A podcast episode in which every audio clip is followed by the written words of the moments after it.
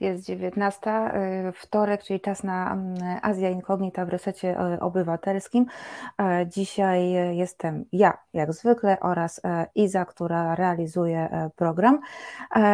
No i dzisiaj jest 5 lipca, czyli dokładnie 4 dni potem, ja, po tym, jak Hongkong świętował 25. rocznicę przejścia spod zwierzchnictwa mm, brytyjskiego pod zwierzchnictwo mm, Chin. I o tym porozmawiam dzisiaj z moją gościnią, dr Katarzyną Sarek, sinolożką z Uniwersytetu e, Jagiellońskiego. Witam serdecznie Pani doktor. Witam serdecznie.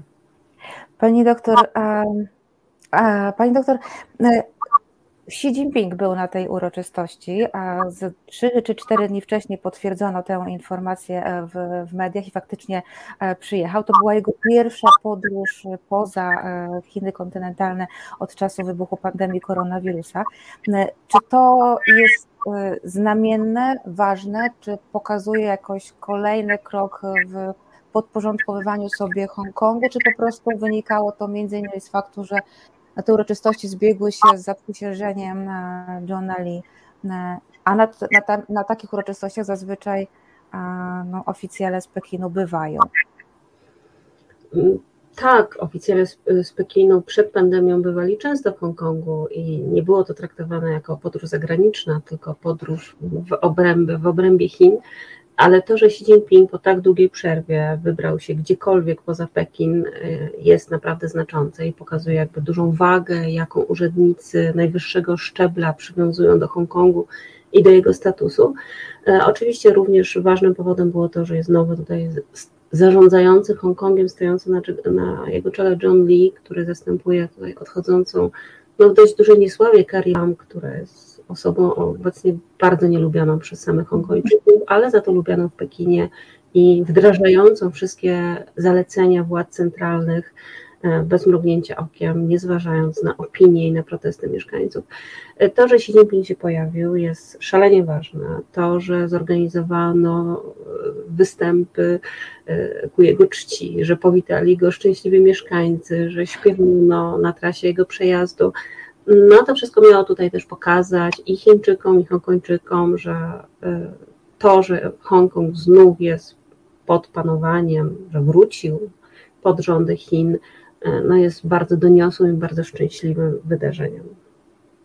A na ile to właśnie te wszystkie śpiewy, te, te, te wszystkie e, okrzyki, że Hongkong powstał z popiołów, e, niczym Feniks zapanowania chińskiego, na ile to wszystko jest, rzeczy, jest pokazówką zorganizowaną przez partię, a na ile rzeczywiście takim wyrazem e, miłości do partii mieszkańców Hongkongu? Na pewno są osoby w Hongkongu, które są zadowolone z, z tego, że Hongkong wrócił do Chin. To nie będę mówić, że takie osoby nie istnieją. Tylko, że tych osób procentowo jest dość niewiele w społeczeństwie hongkońskim. To, co się działo przed pandemią, jeszcze w 2019 roku, kiedy były olbrzymie protesty, które przetaczały przez Hongkong, to był taki ostatni krzyk rozpaczy właściwie Hongkończyków, którym stale i konsekwentnie odbierano pozostałe jakby fragmenty wolności, jaką cieszyli się no jeszcze do powiedzmy niedawna. E, ale to, co się też działo w czasie pandemii, jak e, Hongkong został bardzo dotknięty przez lockdown, przez ograniczenia, przez zakaz podróżowania, przez kwarantanny dla osób, które przyjeżdżały do Hongkongu, trwające niekiedy trzy tygodnie albo i miesiąc. To wszystko spowodowało, że z Hongkongu nastąpił eksodus, zwłaszcza cudzoziemców, którzy pracowali tam na krótsze, na krótsze terminy. Wyjechało też sporo Hongkończyków. Ten eksodus hongkoński zaczął się jeszcze wcześniej, w czasie protestów. Tajwan, czy Wielka Brytania, czy Kanada są w tym momencie miejsca, gdzie ta diaspora hongkońska jakby stale rośnie. I to, e, w jakim, jak niemożliwym stało się życie w Hongkongu w czasie pandemii, kiedy wprowadzano te lockdowny, nie zważając w ogóle na to, jak ludzie to znoszą, e, to, że Hongkończycy, którzy mają bardzo małe mieszkania i żyją w wielkiej ciasnocie, nagle muszą pracować, uczyć się, pracować zdalnie z tych swoich maleńkich, maleńkich pokoików, a jednopokojowego mieszkania i to muszą robić przez 2-3 miesiące albo i dłużej.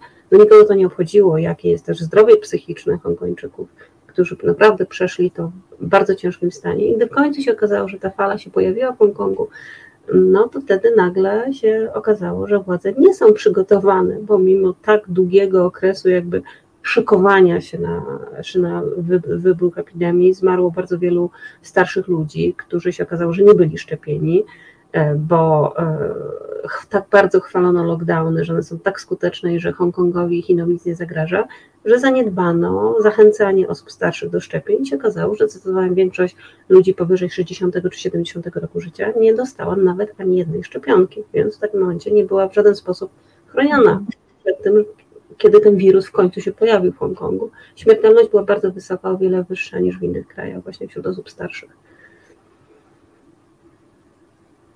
A jak teraz wygląda sytuacja? Bo powoli się otwierają, otwiera wszystko. Powoli się otwierają. W Chinach też powiedzmy, że się robi trochę spokojniej. Też Chiny ostatnio ogłosiły, że skracają kwarantannę dla osób przyjeżdżających. Obecnie ona chyba wynosi zaledwie 7 dni w hotelu, więc w porównaniu do poprzednich tam 14, 20, 21, 28, które niektóre chińskie miasta wprowadzały, to już jest bardzo duże poluzowanie. Tylko, że w tym momencie dostać wizę do Chin e, jest bardzo trudno. Trzeba mieć jakiś bardzo ważny powód, odwiedzać chorego członka rodziny, mieć na przykład wspólnika w Chinach, z którym się było rozłączonym, e, dostać pracę, ale taką, że pracodawca będzie gotów przez kilka miesięcy załatwiać formalności, żeby dostać wizę pracowniczą i jakby umożliwić przyjazd cudzoziemca do Chin.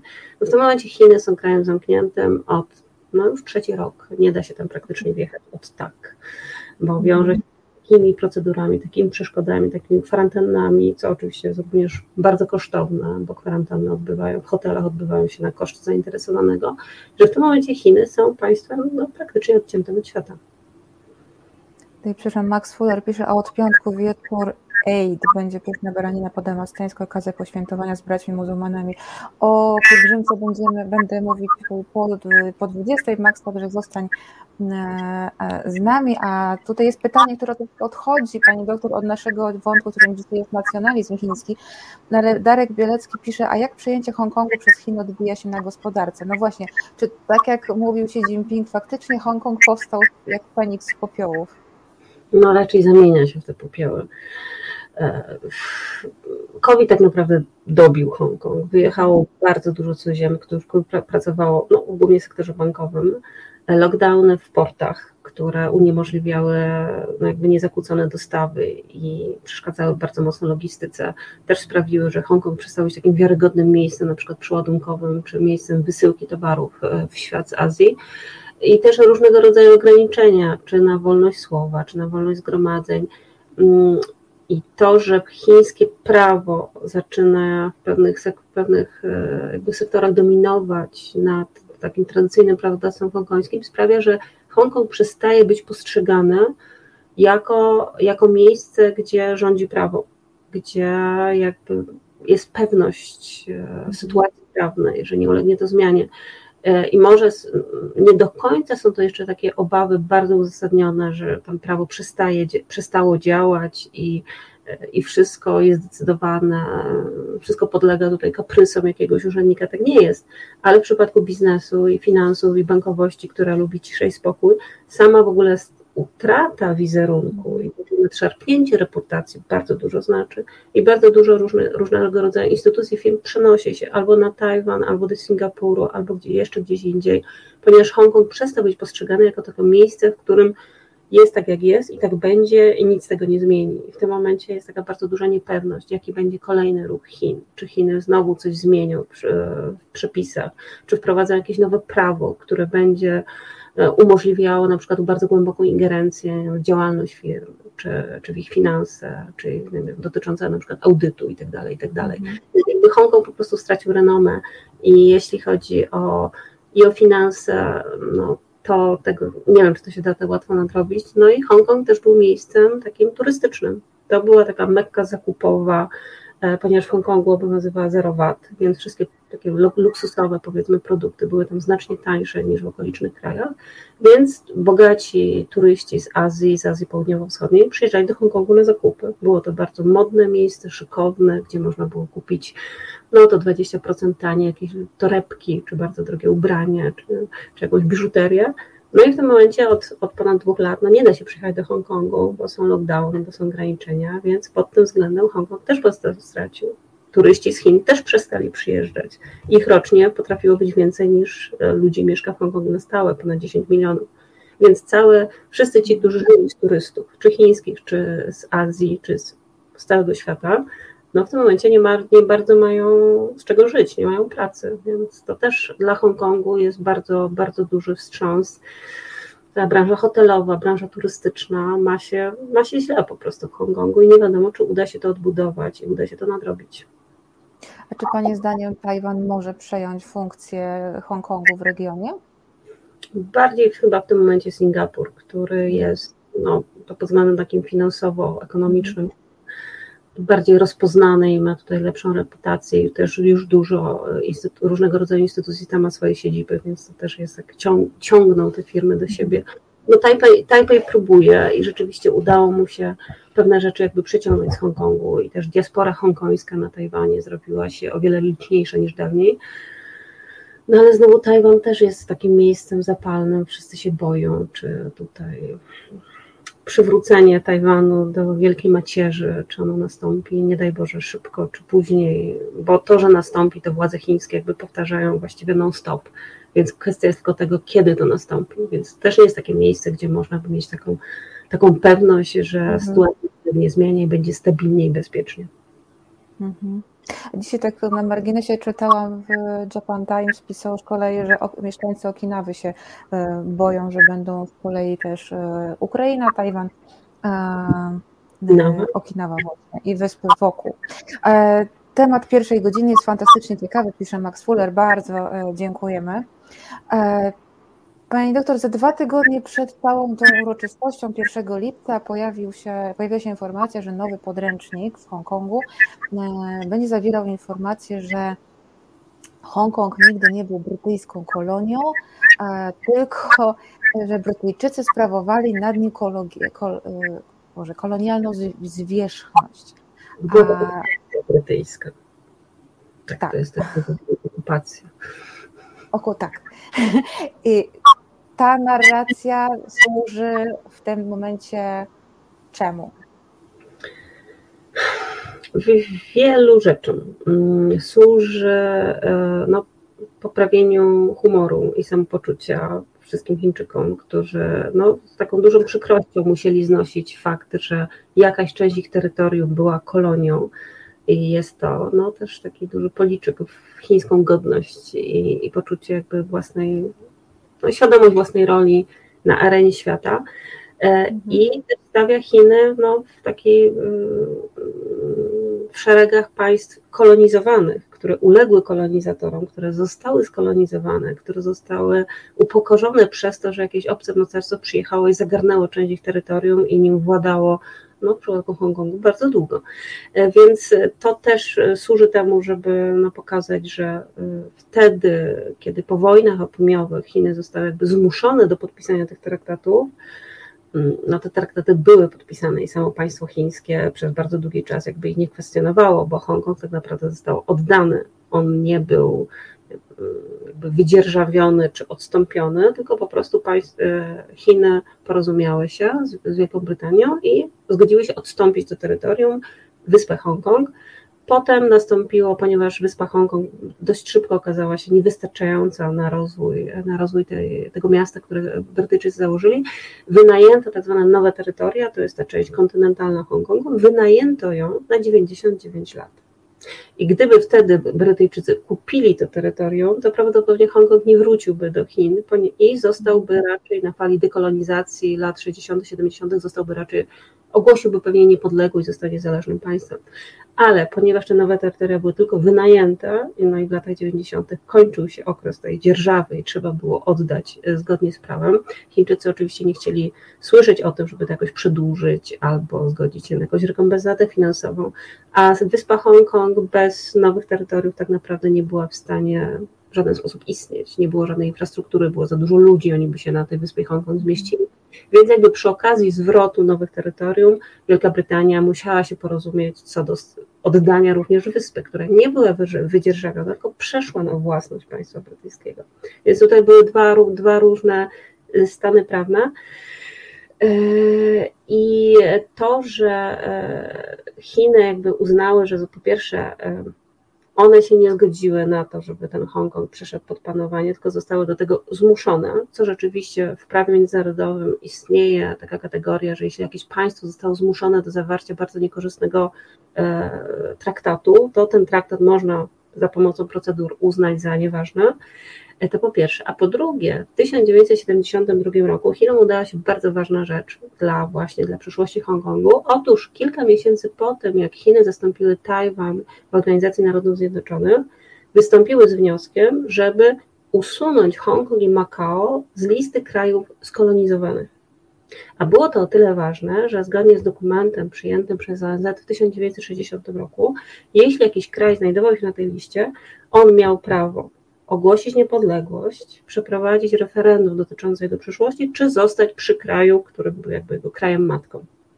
Więc gdyby nam nie udało się w 1972 roku przeforsować tego usunięcia Hongkongu i Makao, obydwa te terytoria miały pełne prawo, żeby ogłosić niepodległość, zostać niepodległymi państwami.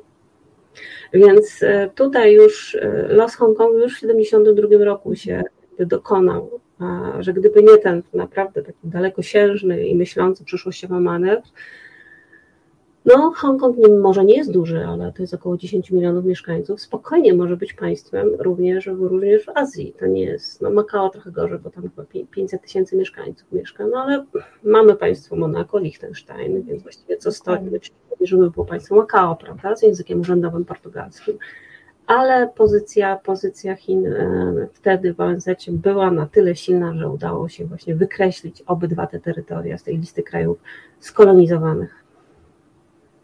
Hmm. Stratford pyta, mm, istnieje emigracja mieszkańców Hongkongu do innych prowincji chińskich i odwrotnie? Czy istnieje? E, tak, mieszkańcy Hongkongu emigrują do Wielkiej Brytanii, emigrują do Kanady, do Australii, na Tajwan. Jeśli chodzi o emigrację do Chin, mm, są mieszkańcy Hongkongu, którzy zwłaszcza w, lat, w latach 80., 90. jakby przeprowadzali się na teren Chin, bo tam zakładali firmy, zakładali biznesy i tam pracowali e, ale e, oni zawsze mieli jakby osobne paszporty e, hongkońskie i mogli na przykład przekraczać swobodnie granice, ale wciąż nie mieli dokumentów jakby poświadczających, że są takimi samymi obywatelami jak na przykład mieszkańcy e, kantonu, czy Pekinu, czy jakiegokolwiek innego chińskiego miasta.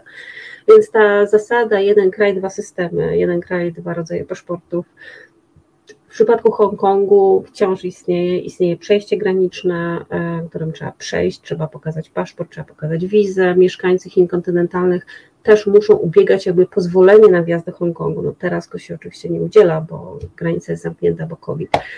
E, ale do COVID-u to chińscy turyści no, musieli mieć specjalną tam wklejkę, żeby móc do tego Hongkongu wjechać, więc ten ruch nie jest taki bezproblemowy, a mieszkańcy kontynentu osiedlali się w Hongkongu, e, robili to e, gdy byli bardzo bogaci, stać ich było na przykład na zakup nieruchomości w Hongkongu, ponieważ Chiny są bardzo dużym krajem, mają bardzo dużo ludzi, również bardzo dużo bogatych ludzi, więc dla bardzo wielu um, Chińczyków kontynentalnych nie było to problemem, kupowali nieruchomości i gdy kupili nieruchomość, mogli ubiegać się o meldunek lokalny i mogli po pewnym czasie ubiegać się jakby o dostanie statusu rezydenta, czy nawet obywatela Hongkongu. E, to też powodowało bardzo dużo napięć pomiędzy miejscową przybyszami, bo ci nowi z, dużą gotów, z, dużą, z dużymi ilościami gotówki jakby podwyższali ceny nieruchomości, a Hongkong jest bardzo takim ściśniętym i napakowanym ludźmi miejscem i tam każdy metr kwadratowy jest bardzo cenny i bardzo drogi. I jeszcze biorąc pod uwagę prawo, które obowiązuje w Hongkongu, że kupuje się nieruchomość nie na wieczne posiadanie, tylko na 99 lat. Więc w tym momencie ktoś kupuje te 40-30 metrów za niebotyczne pieniądze, spłaca ojciec, potem spłaca syn, no i kończy się 99 lat i właściwie to mieszkanie przestaje być ich. Mhm. Więc taki system bardzo niekorzystny dla takich, no powiedzmy, klasy średniej, już nie mówię o osobach uboższych, bo to jest bardzo trudne, jest bardzo trudne być biednym człowiekiem w Hongkongu. Wtedy mieszka się w bardzo złych warunkach, na bardzo niewielkiej powierzchni. Te mieszkania są naprawdę maleńkie w porównaniu z Polską, która nie ma jakichś luksusów mieszkaniowych. Mieszkania w Hongkongu są klaustrofobicznie małe i bardzo w nich mieszka.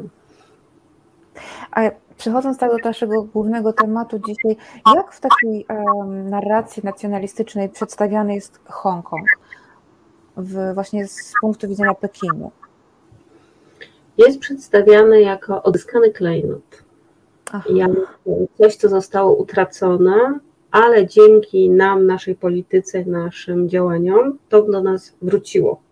I dzięki temu jesteśmy krok bliżej do wielkiego zjednoczenia państwa chińskiego, czego ukoronowaniem ma być przyłączenie Tajwanu do Chin.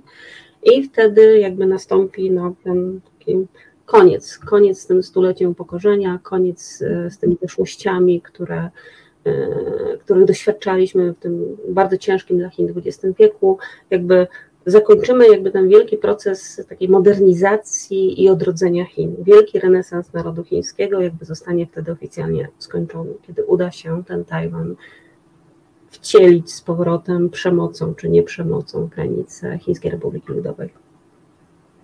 Kiedy zaczął się rodzić taki nowoczesny nacjonalizm chiński? Wielu naukowców mówi, że to jest taki wczesny okres Republiki Chińskiej.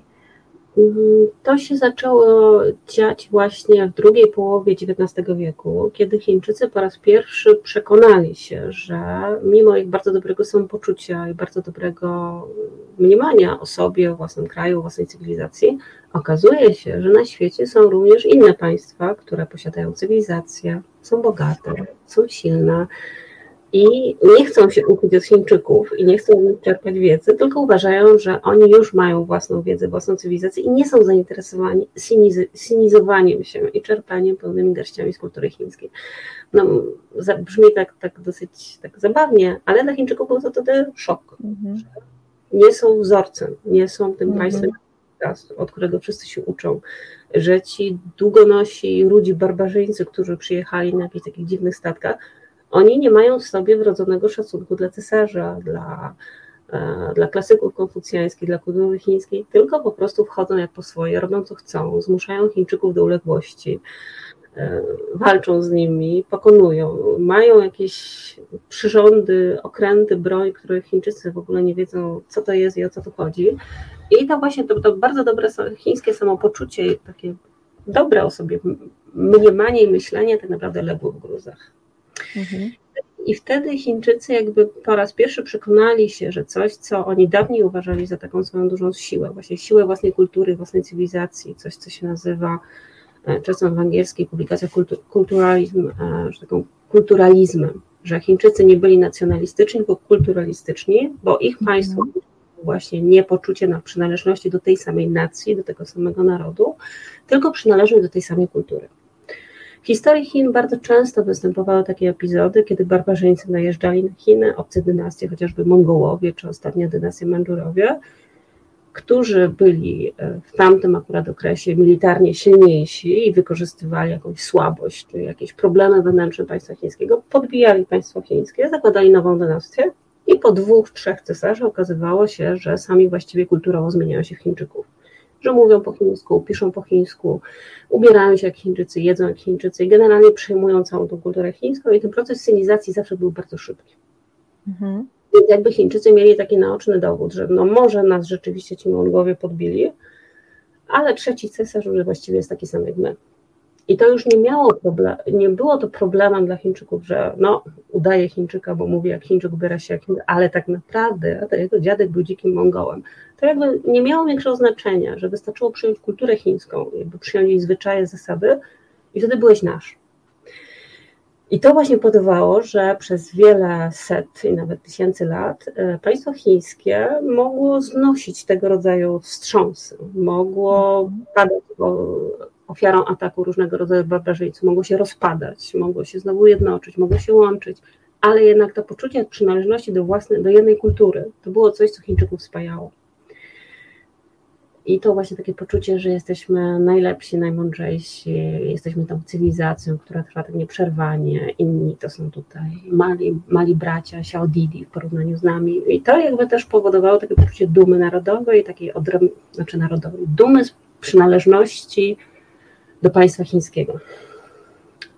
Do bycia poddanym konkretnej dynastii chińskiej. I gdy pojawili się cudzoziemcy, którzy nagle zaczęli górować nad e, Chińczykami pod praktycznie każdym względem, to wtedy Chińczycy musieli jakby to zrewidować. I okazało się, że jeśli ta nasza kultura nie jest najlepsza na świecie, nie jest naj, najbardziej efektywna i najmocniejsza, no to w takim razie co nas spaja, co mamy z takiego wspólnego. Wtedy dopiero zaczęło, pojawiło się pojęcie takiego narodu chińskiego. Co też w Chinach jest dosyć, też nie przebiegło to tak bardzo prosto, ponieważ no, w Polsce, prawda, mamy Polaków, w Niemczech mamy Niemców, no i jakby jest to proste. W Chinach mieszka bardzo dużo różnych etnosów, nawet oficjalnie tych rozpoznanych jest 55 plus ten dominujący etnos Han, czyli ci, których nazywamy Chińczykami etnicznymi. Więc nie można też było zbudować e, takiego nacjonalizmu opierając się wyłącznie o etnos, bo wtedy te wszystkie mniejszości zostałyby z tego wykluczone. A też nie o to chodziło, żeby budować państwo jednolite etniczne, tylko państwo wieloetniczne, które musi mieć jakąś, jakieś spoiwo. Musi mieć coś, co tych ludzi łączy i sprawia, że oni jakby sami uważają się za Chińczyków. Y, w nacjonalizmie w, pod koniec XIX wieku, jeszcze za czasów cesarstwa, no to próbowano jakby odrestaurować trochę konfucjanizm, przedstawić go jako taką bardziej human, taki rodzaj humanizmu, który tutaj spaja, daje pewne wartości, jakiś taki, taki kościec, na którym można, można się oprzeć i budować poczucie tej wspólnoty. E, no za czasów Republiki, no to przyjęto właściwie też takie Mm, ten nowoczesny nacjonalizm, który też wtedy właściwie się na całym świecie kształtował. Także Dmowski przecież w tych latach też był. Mhm. Polacy też w tym momencie też jakby zastanawiali się, co sprawia, że jesteśmy Polakami i że Polska jest Polską. Y, tylko, że te lata, lata republiki były w Chinach bardzo burzliwe. Były, były, były wojny domowe, potem była wojna sino-japońska, potem był konflikt pomiędzy Kuomintangiem a komunistami. Cały czas coś się działo i to się właściwie wykuwało, wykuwało w trakcie.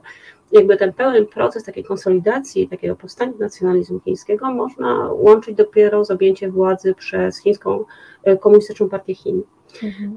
1949 tutaj ogłosiła powstanie Chińskiej Republiki Ludowej i też ogłosiła powstanie państwa wieloetnicznego, wieloetnicznego państwa chińskiego, w którym tym dominującym etnosem obecnie jest to 92% ludności Chin to jest ludność Han, pozostałe 55 e, mniejszości narodowych to jest no to 8% biedne.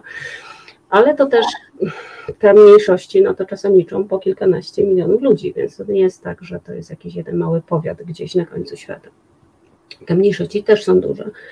E, I wtedy zaczęto budować e, poczucie wspólnoty, które było połączone też właśnie nie z etnosem, nie z tym hańskim jakby nacjonalizmem, tylko z poczuciem przynależności, bycia obywatelem Chińskiej Republiki Ludowej i również takiej lojalności wobec Komunistycznej Partii Chin. Połączone jakby państwo i partie w jeden taki organ, w jedną mhm. strukturę, która te, te państwo i partie zostały połączone właściwie w taki obecnie nierozerwalny marię, że gdyby nie było partii, nie byłoby nowych Chin. To jest jeden z takich najczęściej powtarzanych sloganów chińskich. Więc jeśli jest partia, to są te nowe Chiny, czyli te po 1949 roku, więc każdy obywatel chiński powinien popierać partię, ponieważ dzięki partii te nowe Chiny powstały. I w tym momencie lojalność dla partii jest przez samych Chińczyków postrzegana jako coś oczywistego. I że wdzięczność dla partii, która doprowadziła do właśnie końca tego stulecia upokorzenia i hańby, która doprowadziła do mm, odbudowy potęgi Chin, do przywrócenia jej na arenę międzynarodową, do przywrócenia statusu mocarstwa. To wszystko jest zasługa partii, więc w tym momencie duża część jakby takiego nacjonalizmu i takiej dumy chińskiej jest związana z tym, że Chińczycy są dumni właśnie z osiągnięć swojego kraju i z partii, która tym krajem rządzi. Więc to jest taki, taki nowoczesny nowoczesny chiński nacjonalizm nie jest właśnie też związany z byciem Chińczykiem Han, czy Zhuangiem, czy mniejszością Iba i tak dalej, tylko jest związany z tym, że jestem obywatelem Chińskiej Republiki Ludowej, które jest państwem wieloetnicznym. E, państwo nie dopuszcza do tego, żeby były jakieś takie konflikty na tle narodowościowym, żeby dochodziło do jakichś tutaj kontrowersji. Jedynie Ujgurzy i Tybetańczycy mm.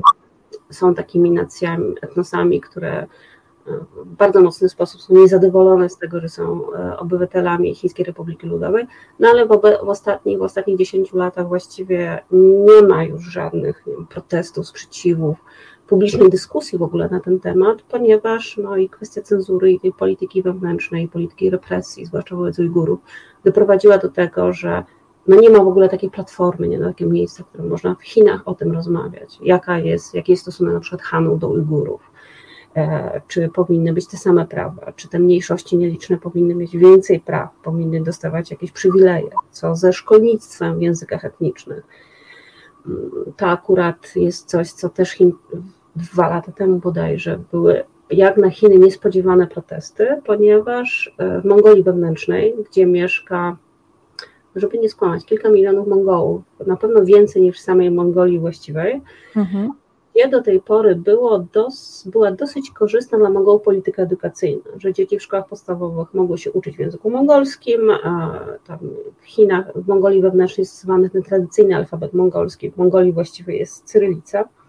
Więc jakby Chiny były wręcz takim miejscem, gdzie tą tradycyjną kulturę mongolską można było kultywować, można było przekazywać swoim dzieciom. Tylko, że państwo chińskie jednak stwierdziło, że ta, ta zbyt duża odrębność etniczna niektórych tych mniejszości narodowych, no nie wpływa dobrze na taką spój, spoistość, że należałoby jednak przyspieszyć te procesy cywilizacyjne i sprawić, żeby jednak ten język mongolski może nie był tak ważny dla tych młodych Mongołów i zaczęto w bardzo mocnym stopniu ograniczono liczbę lekcji prowadzonych w języku mongolskim, że w tym momencie na przykład matematyka już jest uczona po, chińskim, po chińsku, angielski jest uczony po chińsku, większość przedmiotów, że właściwie został mongolski uczony po mongolsku i w, w tym nauczaniu początkowym jeszcze część jakby godzin jest prowadzona po mongolsku.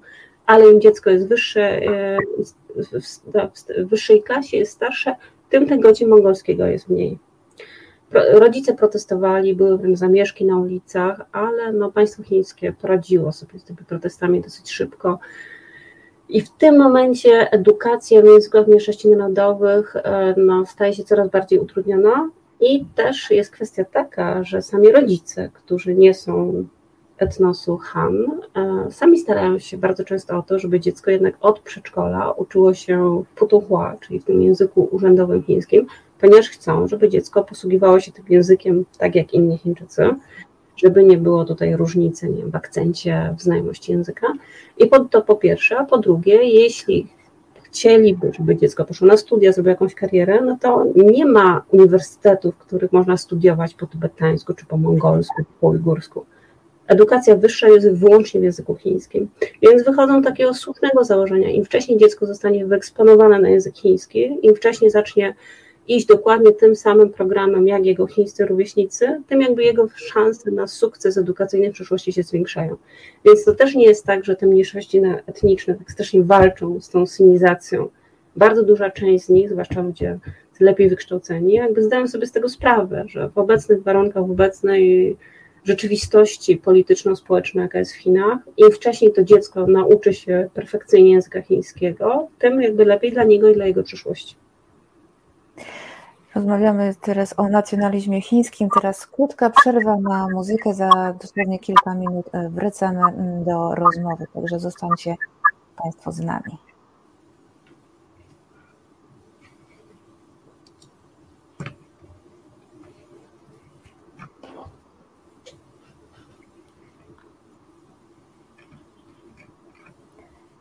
Nie mamy przerwy i zapowiedz, daj znać, czy mamy przerwę, czy nie, to będziemy ciągnąć w takim razie, chętnie porozmawiamy dalej.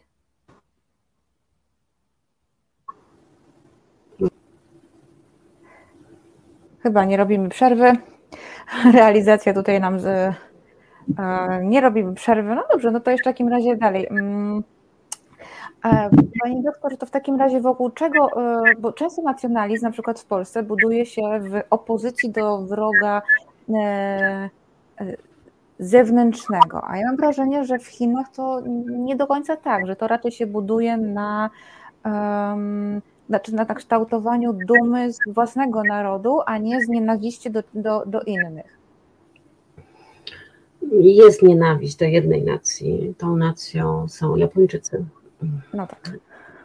To jest, tak jak Chińczycy raczej no, mają pewne swoje tutaj narowy, no, arogancja chińska niestety rośnie, jakby poczucie własnej wyższości i takiej dumy narodowej przejawia się czasem taki no, niezbyt e, grzeczny sposób traktowania innych ludzi z innych krajów. No, ale mhm. Że inne nacje też są aroganckie, prawda? Amerykanie też potrafią być bardzo aroganccy i bardzo tacy paternalistyczni, więc jakby Chińczycy no też jakby trochę w te, w te rejony mm, dziarskim krokiem mhm. zmierzają, ale powiedzmy, że duże narody mają to do siebie, że traktują małe narody z góry. E, ale to, co Chińczycy czują w stosunku do Japończyków, e, to jest, e, no powiem wprost, to jest czysta i skondensowana nienawiść w dominującej części społeczeństwa chińskiego. Pamięć o tym, co Japonia robiła w Chinach w latach 30. w czasie wojny sino-japońskiej, pamięć o masakrze nankińskiej, o różnego rodzaju eksperymentach, których dokonywano na więźniach, te eksperymenty medyczne przeprowadzono w niesamowicie okrutny sposób że Niemcy w obozach koncentracyjnych mogliby uczyć się niestety od Japończyków, co można robić drugiemu człowiekowi, niby prowadząc badania naukowe. Więc jakby ta pamięć o tym, co Japończycy robili, o tych wszystkich okrucieństwach, która, no to też trzeba dodać, jest bardzo tak umiejętnie podsycana przez władze chińskie, które w różnych jakby momentach potrzebują takiego oburzenia społeczeństwa chińskiego, więc na przykład coś tam pozwalają na przykład na e, jakby narastanie tego niezadowolenia. Mm, ileś razy były w takie powiedzmy małe zamieszki, gdzie na przykład niszczono restauracje japońskie, a nawet niszczono japońskie samochody na ulicach, że były jakieś pobicie Japończyków i tak dalej. Więc to jest jakby, jakby jedyna nacja, w stosunku do której Chińczycy no, mają taki emocjonalny, bardzo gorący stosunek. Mhm. W przypadku do innych nacji, nawet powiedzmy dawnych mocarstw kolonialnych, może nie jest to jakaś wielka miłość, ale jest to jakby, no, to było 100 lat temu, prawda, były inne, inne tutaj uwarunkowania, jednak mhm. realnie zupełnie inne. I, ale nie ma takiej zbiorowej pamięci jakiegoś okrucieństwa, wykorzystania, jakichś masakr i tak dalej. No, poza może zburzeniem Pałacu Letniego, co też jest taką wielką zadrą też na dumie narodowej chińskiej. Ale Chińczycy budują swoją właśnie nacjonalizm na tak jak Pani tutaj słusznie zauważyła, właśnie nie na niechęci do kogoś, nie wiem, czy do Niemców, czy do Rosjan, czy do kogokolwiek innego, ale właśnie na poczuciu własnej wyjątkowości, że to poczucie własnej wyjątkowości, które runęło w drugiej połowie XIX wieku, kiedy się okazało, że jednak Chiny nie są naj, najpotężniejsze, najmądrzejsze, najbogatsze i tak dalej, no to było takie 100 lat takiego halo, to, to, to nie jest to miejsce, w którym powinniśmy być. Teraz mhm. Chińczycy tak, wracamy, jesteśmy już bardzo blisko tego miejsca, na które zasługujemy, bo jesteśmy potężnym krajem, bo mamy bardzo liczną populację, e, bo jesteśmy już coraz bardziej bogaci, bo mamy tylu i tylu absolwentów, że mamy tyle i tyle patentów, więc jakby no już jesteśmy bardzo blisko powrotu na tą, ten top światowy. I to jest jakby coś, do czego wszyscy Chińczycy chcą dążyć, że chcą budować siłę swojej ojczyzny, chcą budować siłę swojego kraju, są dumni z jego osiągnięć, popierają partię, bo uważają, że no może nie wszystko jest idealnie i w 100% jestem zadowolony, ale generalnie kierunek jest właściwy i partia rządzi tymi nowymi Chinami w taki sposób, że rzeczywiście ludziom żyje się coraz lepiej, że bardzo duża liczba bardzo duży procent populacji Chin został wyciągnięty z nędzy, takiej dosłownej nędzy, kiedy ludziom brakuje na jedzenie i po prostu są niedożywieni i, i, i może nie umierają z głodu, ale są permanentnie na przykład niedożywieni i, i, mają problemy ze zdrowiem. I w tym momencie takich sytuacji w Chinach już praktycznie nie ma, e, że z tej ekstremalnej nędzy udało się już władzom wyciągnąć prawie wszystkich Chińczyków, może gdzieś na jakichś bardzo odległych rubieżach kraju, bardzo niedostępnych terenach są jeszcze ludzie, którzy nie dojadają, ale w większości przypadków udało się to, e, udało się to przezwyciężyć. Chiny wciąż oczywiście w przeliczeniu na e, głowę mieszkańca PKB są krajem dość biednym, ale no to wiąże się z tym, że jeśli się ma miliard 400 milionów obywateli, no to jednak nie jest to łatwe Ale kiedy już patrzymy na takie liczby, jeśli chodzi właśnie o liczbę patentów, czy liczbę na przykład absolwentów kierunków ścisłych, Chiny w tym momencie są numerem jeden na świecie i górują nad wszystkimi innymi krajami. E, więc to poczucie takiej no właśnie dumy z osiągnięć własnego kraju, z tego, że udało się nam, Chińczykom, pracą naszych rąk i naszą inteligencją, naszą wytrwałością zbudować sukces naszej ojczyzny, no to jest coś, czego Chińczycy czerpią bardzo dużą satysfakcję. I uznając tutaj przewodnią rolę partii, która doprowadziła Chiny w to miejsce, w którym obecnie Chiny się znajdują, w tym momencie nie ma w Chinach właściwie opozycji, która by mówiła, że no nie, kraj jest źle rządzony, że zmienić, że to wszystko jest źle, wszystko jest bez sensu i tak dalej. Pomijając oczywiście kwestię cenzury i że taka partia, tacy ludzie też za bardzo nie, nie dostaliby platformy i nie mieliby możliwości e, takich rzeczy głosić publicznie. Ale my nawet gdyby mieli, to nie znaleźliby zbyt dużego posłuchu, ponieważ we wszystkich badaniach, które są przeprowadzone w Chinach, obywatele chińscy są bardzo zadowoleni ze swojego kraju, ze, z polityki władz, e, e, lubią swoją władzę, ufają jej. No, ten COVID tutaj nadwyrężył trochę to zaufanie i sprawił, że wielu, wielu ludzi poczuło naprawdę, co to oznacza w praktyce, kiedy państwo może samowolnie decydować, nie jest ograniczone żadnymi prawami dotyczącymi mojej swobody przemieszczania się e, i że można właściwie z, w przeciągu godziny zamknąć jakieś osiedle na kilka miesięcy i nie wypuszczać ludzi na zewnątrz i nikt się nie musi z tego tłumaczyć, bo to jest po prostu decyzja administracyjna. Więc myślę, że te ostatnie dwa lata trochę nadwyrężyły zaufanie ludzi do do władz, ale wciąż są to mieszkańcy tych największych miast, których akurat ten lockdown dotknął. A wszyscy inni, którzy byli poza tymi lockdownami, oni je bardzo mocno popierali, bo uważali, że tak, że dzięki temu, no tamci rzeczywiście, no jest im ciężko, trochę cierpią, ale dzięki temu cały kraj będzie bezpieczny. Więc jest to cena, którą gotowi jesteśmy zapłacić waszej wolności. Czas na związki. Czas na nowoczesne, postępowe związki zawodowe. Będzie kontrowersyjnie i dynamicznie. Rozmawiamy o sprawach, które mogą nas łączyć lub dzielić, jak na przykład kwestia wysokości podatków czy rola związków zawodowych. W programie pojawią się eksperci rynku pracy oraz związkowcy i związkowczynie. Każdą środę na 17 Piotr Szumlewicz zaprasza do Resetu Obywatelskiego.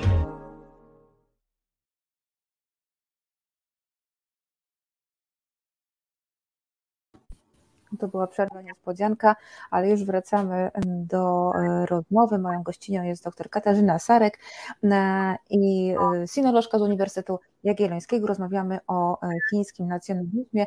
Jest pytanie, kapitan Stratford pyta, czy ta nienawiść do Japończyków, o której Pani mówiła przed przerwą, jest podsycana, czy raczej oddolna?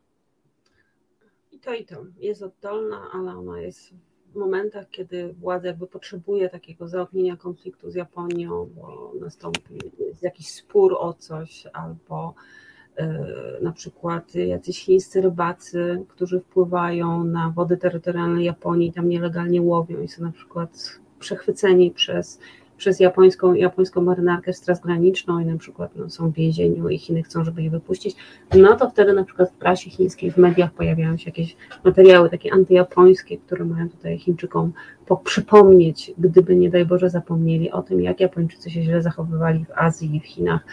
E, no już ile? 90 lat temu, ale pamięć o tym jest, e, myślę, że jeszcze bardziej żywa niż w tym momencie w Europie pamięć o II wojnie światowej to budzi jeszcze większe emocje i to nie jest jakby rzecz, która została w Chinach zapomniana, pomimo tego, że Japonia i przeprosiła, i były reparacje wojenne, i przez kilka dekad te stosunki były no takie dosyć przyjazne i sam Mao Zedong w pewnym momencie tak niby żartobliwie powiedział, że e, że powinien właściwie być bardzo wdzięczny, e, KPH powinno być bardzo wdzięczny Japonii, że zaatakowała Chiny, bo gdyby nie to, to wtedy Kuomintang by pokonał KPH i e, a dzięki temu, że Kuomintang rozpoczął walczyć e, z Japonią, więc wtedy chińscy komuniści mogli tak trochę odsunąć na bok i urosnąć w siłę i dozbroić się i właściwie poczekać, aż Kuomintang pokona Japonię. I gdy Kuomintang już był osłabiony po tej po tej, po tej wojnie, no to wtedy mogli już o wiele prostszy sposób z tym Kuomintangiem się rozprawić. Więc no wyprowadzając jakby z tego tego rozumowania konkluzję, że gdyby nie Japonia i nie wojna sino-japońska, wtedy KPH by nie było w stanie przejąć władzy w Chinach, no Mao Zedong no tak pokazywał tak naprawdę, że, że to była straszna wojna i straszne konsekwencje dla narodu chińskiego, ale koniec końców, patrząc z punktu widzenia takiego zimnego, politycznego, to ta wojna była korzystna dla komunistów chińskich. Więc to jest taka, taka wielopiętrowa manipulacja. Zaczęto tą niechęć do Japończyków podsycać dopiero pod, w latach chyba 90. Zaczęło to tak być z powrotem podbijane przez władzę w celu realizowania jakichś doraźnych interesów. Znaczy to może mieć coś wspólnego z faktem, że no Chinom wtedy jeszcze dobrze się, tak, aż tak dobrze się nie wiodło, a Japonia wychodziła na pozycję tego azjatyckiego tygrysa? Myślę, że też. Wtedy Japończycy jeszcze byli w takiej fazie e, odbudowywania gospodarki, rozwoju. Zależało im na inwestycjach japońskich, na tym, żeby ten transfer też wiedzy i technologii z Japonii e, do Chin się odbywał. W tym momencie oni nie mają takiej potrzeby i jednak już weszli na taki poziom rozwoju i technologicznego, gospodarczego, że bez inwestycji japońskich e, no, są w stanie sami doskonale sobie radzić i no, ta dobre, dobre relacje z Japonią też nie są czymś, na czym już jakoś tak bardzo krańcowo zależy. W tym momencie też Japonia jest uważana przez Chińczyków za takiego sługusa amerykańskiego, a Chińczycy obecnie do Ameryki mają takie no, dosyć negatywne nastawienie. Mówiąc bardzo dy dyplomatycznie. E, pani doktor, a jest Mówi się, że nacjonalizm to jest coś negatywnego i, i, i, bardzo słusznie, natomiast wielu ekspertów e, twierdzi, że w przypadku Chin to wcale nie jest tak negatywne, bo bardzo mocno przyczynił się mm, do rozwoju gospodarczego Chin. Jak to możliwe i czy rzeczywiście mm, to prawda? W ogóle samo słowo nacjonalizm, my to odbieramy jako coś negatywnego, ale gdybyśmy mówili my Polacy o nacjonalizmie polskim, nie użyjemy słowa nacjonalizm, tylko użyjemy słowa patriotyzm, prawda? Więc nacjonalizm jest zły, bo to jest nacjonalizm czyjś, a jeśli to jest nasz, to wtedy jest dobry i wtedy nazywa się patriotyzmem. Więc, e, więc Chińczycy jakby nazywają to miłością do swojego kraju e, i to, że jakby odrzucają te wpływy zagraniczne jest postrzegane no, bardzo pozytywnie, że tak, że Chińczycy, Chińczyk powinien kochać swój kraj, Chińczyk powinien być lojalny wobec swojego państwa, powinien pracować na jego rzecz. I nie ma w ogóle jakiejś dyskusji, czy ten nacjonalizm jest za mocny, czy jest e, nie, nie wiem, zbyt eksponowany w przestrzeni publicznej. No nie ma w ogóle takiej dyskusji. Raczej jest drugą stronę, czy jeśli Chińczycy, którzy na przykład są krytyczni wobec swojego kraju, no tych jest no, coraz mniej i zazwyczaj nie mieszkają już w Chinach, no to są po prostu zdrajcy narodu, zdrajcy kraju. Y, I że właśnie taki ludzi krytyczny wobec Chin nazywa się, że są dżyżan, czyli skolonizowanymi ludźmi, że to jest mentalność kolonialna, która e, sprawia, że e, ktoś patrzy się na zewnątrz i tam szuka wzorców, tam szuka jakby idei i, i jest na przykład zawstydzony własnym krajem, uważa swój kraj za bardziej zacofany albo nierozwinięty, no to można by też na polski grunt trochę przenieść i, i jakby pewne, pewne mechanizmy są takie no, uniwersalne, powtarzają się, że jeśli ktoś jesteś obywatelem danego kraju, go krytykujesz, to znaczy, że jakby jesteś, wysługujesz się obcym siłom, jakie by one nie były. I w Chinach jest, jest to samo, że jeśli jacyś dysydenci, którzy po 89 wyjechali z Chin i mieszkają w Stanach Zjednoczonych, w Kanadzie, Wielkiej Brytanii i mieszkają tam już no, ileś dekad, i oni krytykują Chiny, to w tym momencie Chińczycy wewnątrz Chin totalnie to odrzucają. Uważają, że ty jesteś zdrajcą, ty jesteś tym, który uciekł ze swojej ojczyzny. I to też ta dyskusja się odnowiła całkiem niedawno z powodu bardzo tutaj znanej obecnie w Chinach dziewczyny Aileen Gu, to jest ta dziewczyna, która podczas olimpiady w Pekinie zdobyła bardzo dużo złotych medali dla Chin i to jest dla samych Chińczyków jest to taki przykład takiego sukcesu e, i że to jest dziewczyna, która ma matkę Chinkę, ojca Amerykanina. Ona urodziła się i właściwie większość życia spędziła w Stanach, ale co wakacje była przewożona do babci do Pekinu, więc mówi po chińsku y, i generalnie jest jakby takim człowiekiem dwóch kultur, że nie jest taką czystą Amerykanką, ale równocześnie jakby Amerykanką i Chinką, ona sama się tak przedstawia. I że byli ludzie, którzy mówili, no to w takim razie to ona jest Amerykanką czy Chinką. W przypadku konfliktu między tymi dwoma krajami, jakby gdzie jest jej serce? Po czyjej ona stronie stanie. Chiny teoretycznie, zgodnie z prawem, nie pozwalają na podwójne obywatelstwo, więc jeśli ona reprezentowała Chiny na olimpiadzie, no to to co? To w takim razie dostała obywatelstwo chińskie, ale przecież nie zrzekła się amerykańskiego, dalej jest Amerykanką. I to tak wzbudziło taką dużą dyskusję, a ci, którzy jakby zadawali to pytanie przez samych innych Chińczyków byli krytykowani, że e, to mówią tylko właśnie osoby sfrustrowane, to są ci, którzy wyjechali do Chin i nie mogą do nich wrócić. A ta właśnie ta Aileen Gu to jest to nowe pokolenie, które urodziło się za granicą, które miało szansę pełną, żeby wykorzystać to wszystko, co oferują, oferują powiedzmy bardziej rozwinięte kraje, ale ona wybrała, że chce wrócić do Chin i reprezentować Chiny. I to jest takie, no, takie ostatnie zwycięstwo tutaj Chin nad Stanami Zjednoczonymi, że dziewczyna, która mogła być jakby wyrzec się swojego dziedzictwa chińskiego, tego nie zrobiła, tylko właśnie poszła w drugą stronę. No ci krytycznie oczywiście mówią, że tutaj przyczyną tej miłości do Chin są grube miliony dolarów, które prawdopodobnie dostała to, że zgodziła się reprezentować Chiny na Olimpiadzie, no ale to jest oczywiście tutaj tajna umowa i sama Aileen Gu udziela wywiadu wyłącznie e, pod zastrzeżeniem, że nie pani pytanie o obywatelstwo, czy ma obywatelstwo chińskie, czy w jaki sposób mogła te Chiny reprezentować na Olimpiadzie. To jest tajemnica, no na ten temat nie chcę mówić. To jest dziewczyna, która próbuje jechać równocześnie na dwóch koniach. Do tej pory jej się ta sztuka udaje, no jest biegła w akrobacjach. E, ale jakby tego typu sytuacje, właśnie pojawianie się takich osób, to pokazuje, że no, zmienia się to. Że tak jak dawniej Chińczycy wyjeżdżali do Stanów i chcieli tam zostać, chcieli dostać amerykańskie obywatelstwo, chcieli zostać Amerykanami, to teraz jest ten ruch, oczywiście to nie jest ruch masowy i to nie jest tak, że wszystkie dzieci e, imigrantów chińskich chcą do Chin wracać. Mhm. Ale jakby taka osoba na tak wyeksponowanym stanowisku, która odniosła olbrzymi sukces, stała się znana na całym świecie, i ona tutaj jakby to swoje dziedzictwo chińskie wzmacnia i mówi, że jest z niego dumna, że ona chce być przykładem dla młodych Chinek, że chce służyć tutaj porozumieniu między dwoma krajami i tak dalej, tak dalej, cały ten PR-owy szum, który ona wokół siebie tworzy. No ale też jakby pokazuje, że jednak ta pozycja Chin się zmieniła w porównaniu do tego, co było 10 czy 20 lat temu, że jednak ten, ta siła przyciągania ludzi, chociażby siła finansowa, no jest zupełnie inna niż jeszcze była dla dekady jej matki, która wyjechała z Chin i no, zrobiła karierę, zrobiła duże pieniądze, założyła jakąś firmę inwestycyjną. E, córka jej skończyła Harvard czy Stanford, więc jakby osiągnęła, zrealizowała ten American Dream i się okazało, że jednak w tym momencie Dream potrafi być jeszcze atrakcyjniejszy niż American Dream. Więc dla samych Chińczyków samo to, że ona jakby choćby zrezygnowała z części tej swojej amerykańskości po to, żeby rozpoznać Chiny i już jest takim powodem do dumy i kolejnym takim aspektem, bo sprawia, wybaczcie, co osiągnęliśmy. Przewyższyliśmy Stany Zjednoczone. Kapitan Stratford pyta, jak Chińczycy traktują imigrantów?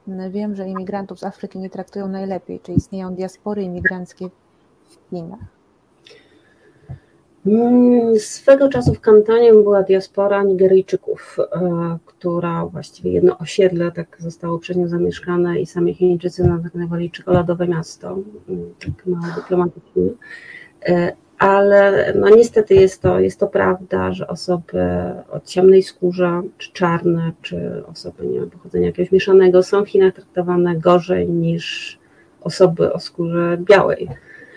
E, czego, co sami Chińczycy nie nazywają tego rasizmem i oni absolutnie nie uważają się za rasistów, uważają, że rasizm to jest wyłącznie wtedy, kiedy biały człowiek źle traktuje kogoś, kto ma inny niż biały kolor skóry. To jest definicja rasizmu. A to, że Chińczycy na przykład oferują pensje e, nauczycielom angielskiego e, zróżnicowane w zależności od tego, jaki jest kolor skóry, czy to jest taki jasny, ładny, biały, czy to jest jakieś latino, czy to jest czarnoskóre, to nie jest rasizmem, bo właśnie takie ogłoszenie o pracę widziałam, kuryzalne. Nie jesteśmy rasistami, zatrudniamy również czarnoskórych i było podane widełki, że biały nauczyciel zarabia tyle, e, e, ktoś o takiej ciemnej skórze, powiedzmy z Ameryki Południowej zarabia tyle, a jeśli jesteś czarnoskórym, no to zarabiasz oczywiście najmniej. Ale nie jesteśmy rasistami, bo w ogóle dajemy Ci szansę i chcemy Cię zatrudnić. Więc ten rasizm niestety widoczne, jakieś reklamy telewizyjne, gdzie czarny chłopak wskakuje do pralki i jest taki świetny proszek do prania, że wyskakuje z niego piękny, taki jasny Chińczyk na przykład. Albo przedstawienia w czasie gali noworocznej, gdzie są aktorzy z doczepianymi pośladkami, piersiami pomalowani na czarną farbę, które tutaj tańczą razem z dzikimi zwierzętami. To ma być tradycyjny taniec afrykański na przykład. Więc Chińczycy, jeśli chodzi o tą wrażliwość, no, są w zupełnie innym miejscu, powiedziałabym, niż Europa czy Stany Zjednoczone i sami odrzucają w ogóle oskarżenie, że to jest rasizm. Nie ma żadnego rasizmu. No więc to jest taki temat dosyć, dosyć trudny, jeśli chodzi o Chiny. Też bodajże w zeszłym tygodniu była też taka afera, że pewien zaradny chiński biznesmen, który w Afryce płacił afrykańskim dzieciom za to, żeby śpiewały po chińsku różne rzeczy, no i nie były to niestety teksty typu jestem idiotą albo jestem czarnym potworem i to nagrywał i można było na przykład pobrać za jakieś niewielkie pieniądze, można było pobrać takie wideo i to było w ramach żartu w Chinach wysyłane. Więc takie rzeczy niestety się zdarzają i to jest coś, co no mam nadzieję, że w Europie czy w innych częściach świata były nieakceptowalne po prostu i nikt by nawet nie był zainteresowany tego typu treściami. No a Chińczycy no nie widzą w tym jakiegoś większego problemu i nie uważają, że jest to rasizm. Bo jak już mówiłam, rasizm to jest wyłącznie wtedy, kiedy biały traktuje źle innych o innym kolorze skóry niż biały. To jest rasizm. Chińczycy nie są rasistami według swojego mniemania. Jeszcze kończąc, e, Pani doktor, jak ten nacjonalizm chiński e, wygląda, jeśli chodzi o młodzież? Mówiliście, że ta generacja Z, czyli pokolenie urodzone, urodzone w latach 90. było takie mocno nacjonalistyczne, ale jak z tymi młodszymi? Są jeszcze bardziej nacjonalistyczne. Mhm. E, duma z osiągnięć własnego kraju wśród młodego pokolenia jest olbrzymia. Mm, studenci, osoby tam dwudziestoletnie kochają partię, kochają swój kraj, uważają, że ich władza jest najlepsza na świecie, że kraje, w których jest demokracja, to są kraje, w których jest non-stop chaos, w których są kłótnie, konflikty, nie ma harmonii społecznej, a to, że w Chinach jest e, jedna partia, to, że jest merytokracja, że wybierani są nie populiści, którzy w wyborach mówią ludziom to, co ludzie chcą usłyszeć, tylko ludzie, którzy jakby weryfikowani przez kolejne szczeble kariery, więc ci najbardziej wartościowi i mądrzy docierają na sam wierzchołek co nie do końca jest prawdą, ale taka jest oficjalna narracja, powoduje, że Chińczycy są, młodzi Chińczycy są przekonani o absolutnej wyższości systemu politycznego Chin, o tym, że ich kraje rządzą najlepiej na świecie, że mają powody do tego, żeby czuć się dumnym ze swojego kraju e, i nie ma w nich za bardzo wątpliwości dotyczących tego, czy, czy mogło być w Chinach być lepiej. No, może jakoś, ale to, co już jest teraz, już jest bardzo dobre mam wrażenie, że ten COVID trochę tutaj zachwiał takim dobrym mhm. samopoczuciem Chińczyków, że jednak pokazał, że ta władza potrafi w bardzo taki ostry sposób realizować swoje cele i nie bardzo mm, bierze pod uwagę to, jak ludzie to znoszą, jakie są tak zwane koszty ludzkie. E, że jakby indywidualne, indywidualne cierpienia po prostu, to co ludziom robiono, nie, nie tylko chodzi o to, że komuś było smutno, bo siedział zamknięty w domu, ale dochodziło do tragedii, że ktoś nie miał dostępu do lekarza, nie było możliwości zrobienia dializy na przykład. Ludzie, którzy mieli rozpoczętą chemioterapię, nie mogli jej kontynuować. E, były poronienia, bo kobiety, kobiet nie przyjmowano do szpitali, bo nie miały aktualnego wyniku testu na COVID na przykład. Więc to już takie rzeczy naprawdę drastyczne, które, które dotknęły wiele osób. E, I dopiero to pokazało Chińczykom, że to, co jakby w mediach jest mówione oficjalnych, no nie do końca pokrywa się z tym, co oni u siebie na osiedlu widzą. Bo w mediach jest pokazana tutaj mm, sam, same sukcesy. Wszyscy dostają opiekę medyczną na czas, wszyscy dostają prowiant, te komitety osiedlowe działają świetnie. No a taki Chińczyk wygląda przed okno, widzi, że że karetka nie może wjechać na teren osiedla, patrzy do lodówki, która jest pusta, bo nie może robić zakupów online, bo kurierzy nie są puszczeni na osiedle, a komitet osiedlowy gdzieś tam właściwie zdefraudował paczki, które dostawał do rozdania mieszkańcom i Chińczycy mają w końcu rozdźwięk, że to, co media mówią, to jednak nie do końca jest prawda. Co biorąc pod uwagę taką wszechogarniającą cenzurę, niesamowicie skuteczną i niesamowicie technologicznie już rozwiniętą, no powoduje, że po raz pierwszy chyba w życiu bardzo duża część Chińczyków została skonfrontowana z tym, że władza kłamie i to kłamie takim prosto w oczy i że nie ma, no nie można im wierzyć, bo ja widzę, co się dzieje u mnie na ulicy, u mnie na osiedlu, a w mediach wszystko jest wspaniale, jest idealnie i perfekcyjnie zorganizowane. Więc może to jest coś, co też dla młodych Chińczyków e, to, że nie mogą wyjeżdżać za bardzo za granicę na studia, że zabrano im tak naprawdę no, lata studiów, które są najpiękniejszymi latami w życiu młodego człowieka, że to studiowanie nie polega tylko na tym, że siedzę przed komputerem i, i słucham wykładu i przysypiam sobie w piżamie, tylko że jednak mam interakcję, mam kontakt, że staję się niezależny, samodzielny, wychodzę z domu, dorastam w otoczeniu innych ludzi. To wszystko zostało im zabrane, to już są, no już trzeci rok idzie, kiedy, kiedy oni właściwie są skazani na te ekrany i no są pozbawieni tak naprawdę kilku lat swojego życia. To są te lata, które, które no, naj, no nie da się odrobić. To jest ten pięk, piękny czas i jeśli całą szkołę, studia siedzą w domu tylko przed komputerem, mama za ścianą coś tam, coś tam ciągle narzeka, no to co to jest za życie? Więc to jest taki chyba pierwszy moment w życiu wielu młodych, młodych Chińczyków, że stwierdzili, że jednak coś nie gra i że można by to chyba zrobić lepiej. No ale w tym momencie ten państwo chińskie jest tak już perfekcyjnie zorganizowane, że nie ma przestrzeni, nie ma miejsca, gdzie można by to swoje niezadowolenie jakoś publicznie wygłosić. Nie ma możliwości protestu, i też wszyscy wiedzą, że każdy nieprzychylny czy krytyczny wpis w mediach społecznościowych zostaje natychmiast zharmonizowany i usunięty. Jeszcze można zrobić bana i zostać wyrzuconym e, z platform, z WeChata, co też trochę jest śmiercią cywilną, bo bez tego już w Chinach żyć się nie da. Trzeba wszędzie mieć WeChata, żeby wsiąść do metra, zapłacić za coś, nie wiem. W tym momencie nawet w restauracji nie da się zamówić jedzenia bez WeChata i bez połączonego z nią płatności ponieważ w bardzo wielu lokalach już nie ma papierowego menu, tylko jest kod QR przyklejony do stolika, no i się go skanuje i się wybiera na komórce z menu potrawy, wysyła się, płaci się również przez komórkę. Więc w momencie, jeśli się nie ma dostępu do całej tej technologii, bardzo wielu aspektów życia jest się wykluczonym, nie można funkcjonować. Chińska partia nie ma Tuska, nasza partia mądrzejsza, pisze kapitan mm, Stratford. E, bardzo Pani dziękuję za tę e, rozmowę. Moją gościnią była dzisiaj dr Katarzyna Sarek, e, sinolożka z Uniwersytetu Jagiellońskiego. Rozmawiałyśmy o chińskim nacjonalizmie i rocznicy, ważnej rocznicy dla Hongkongu. Także jeżeli dopiero teraz się włączyliście, to oczywiście odsłuchajcie i kciuki w górę, jeśli się e, podobało. Bardzo Pani dziękuję Pani doktor za mm, kolejną gościnę w Resecie Obywatelskim. No i oczywiście mm, do, mam nadzieję do zobaczenia w następnych odcinkach.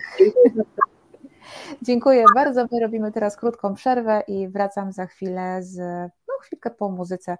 Przenosimy się do zupełnie innej a, kultury, tym razem muzułmańskiej. Zapraszam.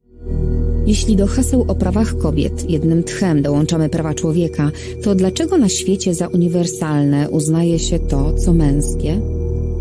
Przyglądamy się nie tylko feminizmowi i patriarchatowi, ale przede wszystkim rzucamy rękawice niesprawiedliwościom społecznym i opresyjnej kulturze, które dotyczą nas wszystkich. To jest wojna. Z Dominiką Kasprowicz. Każdy czwartek od 21 w Resecie Obywatelskim.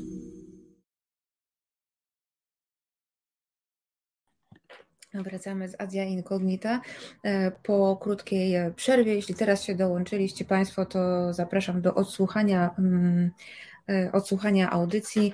Mm, rozmawiałam z dr Katarzyną Sarok, Sarek, sinolożką z Uniwersytetu Jagiellońskiego i mówiłyśmy o mm, chińskim nacjonalizmie.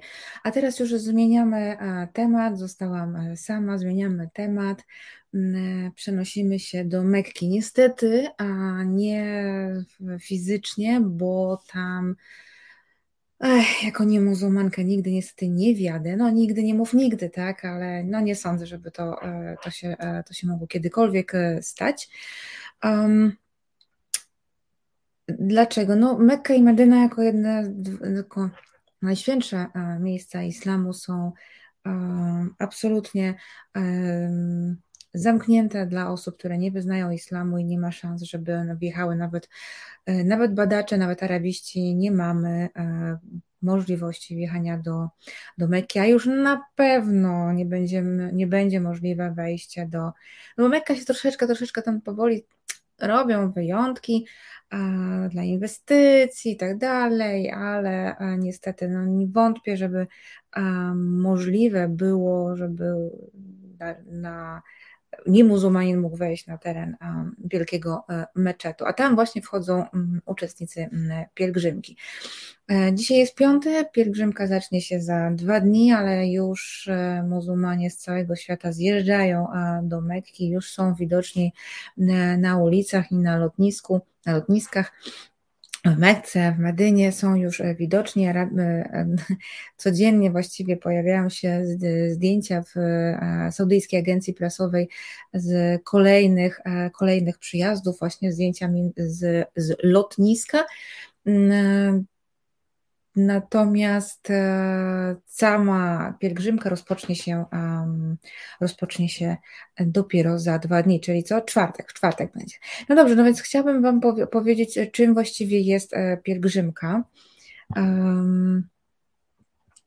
E, pielgrzymka jest jednym z filarów, z pięciu filarów islamu. Obok wiary w jedynego Boga, modlitwy, jałmużny, i poczekajcie, przekazanie jałmużny, wiara, wyznanie e, wiary, modlitwa i post, no przecież oczywiście post. E, to jest e, jeden z tych pięciu filarów islamu, ale razem jeden z pięciu obowiązków każdego muzułmanina. No i mm, teoretycznie, oficjalnie każdy muzułmanin powinien odbyć pielgrzymkę, ale też dużą pielgrzymkę, o różnicy zaraz powiem, tę dużą pielgrzymkę, ten hajj, e, przynajmniej raz e, w życiu. Zwolnione są z tego osoby chore bądź te, których po prostu na to nie stać. No ale mm, te dwa problemy mogą zostać rozwiązane. Jedna kwestia była rozwiązywana już e, dawno, bo od lat funkcjonują różnego rodzaju organizacje pomocowe, e, które mm, pomagają finansowo osobom, które nie mają pieniędzy na taką podróż, e, no bo mieszkają poza Arabią Saudyjską, już nie daj mm, bogini gdzieś naprawdę daleko, nie na Półwyspie Arabskim, tylko powiedzmy sobie, no nie wiem, na drugim końcu świata, chociażby na przykład, on na przykład China, tak? Chin, chiński, um, chiński muzułmanin, gdyby chciał przyjechać do Arabii Saudyjskiej, no jest dla niego już większa wyprawa niż dla Egip, Egipcjanina czy, czy, czy, czy Arabów z Półwyspu. E, więc te organizacje bardzo często pomagają, są organizowane zbiórki pieniędzy, e, są na przykład jałmużne, można na to przeznaczyć właśnie. E, ja mówiłam o jałmużnie przy okazji Ramadanu i taki zakat jałmużny można przeznaczyć też właśnie na cel wspomożenia e, potencjalnego pielgrzyma.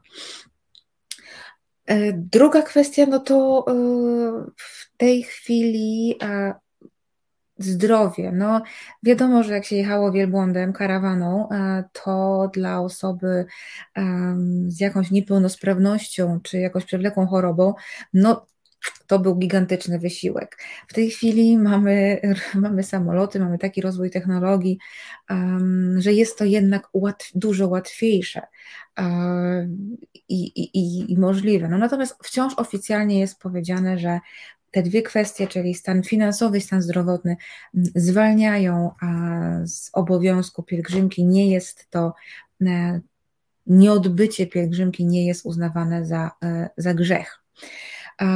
O co, o co chodzi w tej pielgrzymce? Istnieją dwie, dwa rodzaje pielgrzymek. Umra i hadż. Umra, czyli tak zwana mała pielgrzymka i e, czyli ta, z którą teraz mamy do czynienia. E, różnica między nimi to po pierwsze, umra może zostać e, przeprowadzona w każdym e, momencie roku. Kiedykolwiek chcemy, możemy pojechać do, do Mekki i odbyć tak zwaną małą, małą pielgrzymkę. Duża o, przepraszam, ale kapitan Stratford pisze ciekawą rzecz. Więzionym muzułmanom, a tym bardziej skazanym na karę śmierci, powinno się pozwolić na odwiedzenie Mekki. To wcale nie żart. Obowiązek to obowiązek. No, ciekawa jestem, jakby to miałoby być um, przeprowadzone, bo um, tacy poważni więźniowie, um, no to byłoby ciekawe, ale postulat ciekawy. No dobra, w każdym razie tak. E, mała pielgrzymka umra, możemy ją przeprowadzić w każdym momencie roku. Kiedy nam się tylko podoba, kiedy mamy ku temu okazję.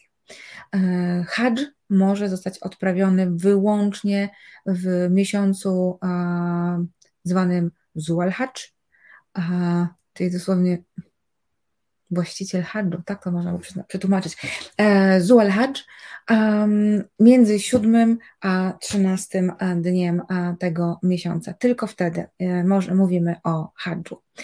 Druga e, różnica między tymi dwiema pielgrzymkami to długość.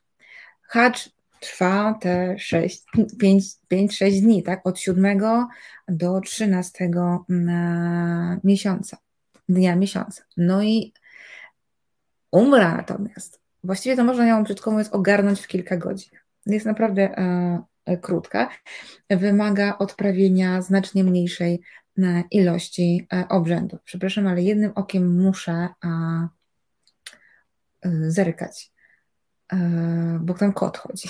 Obudził się. I teraz co jest e, celem muzułmanów.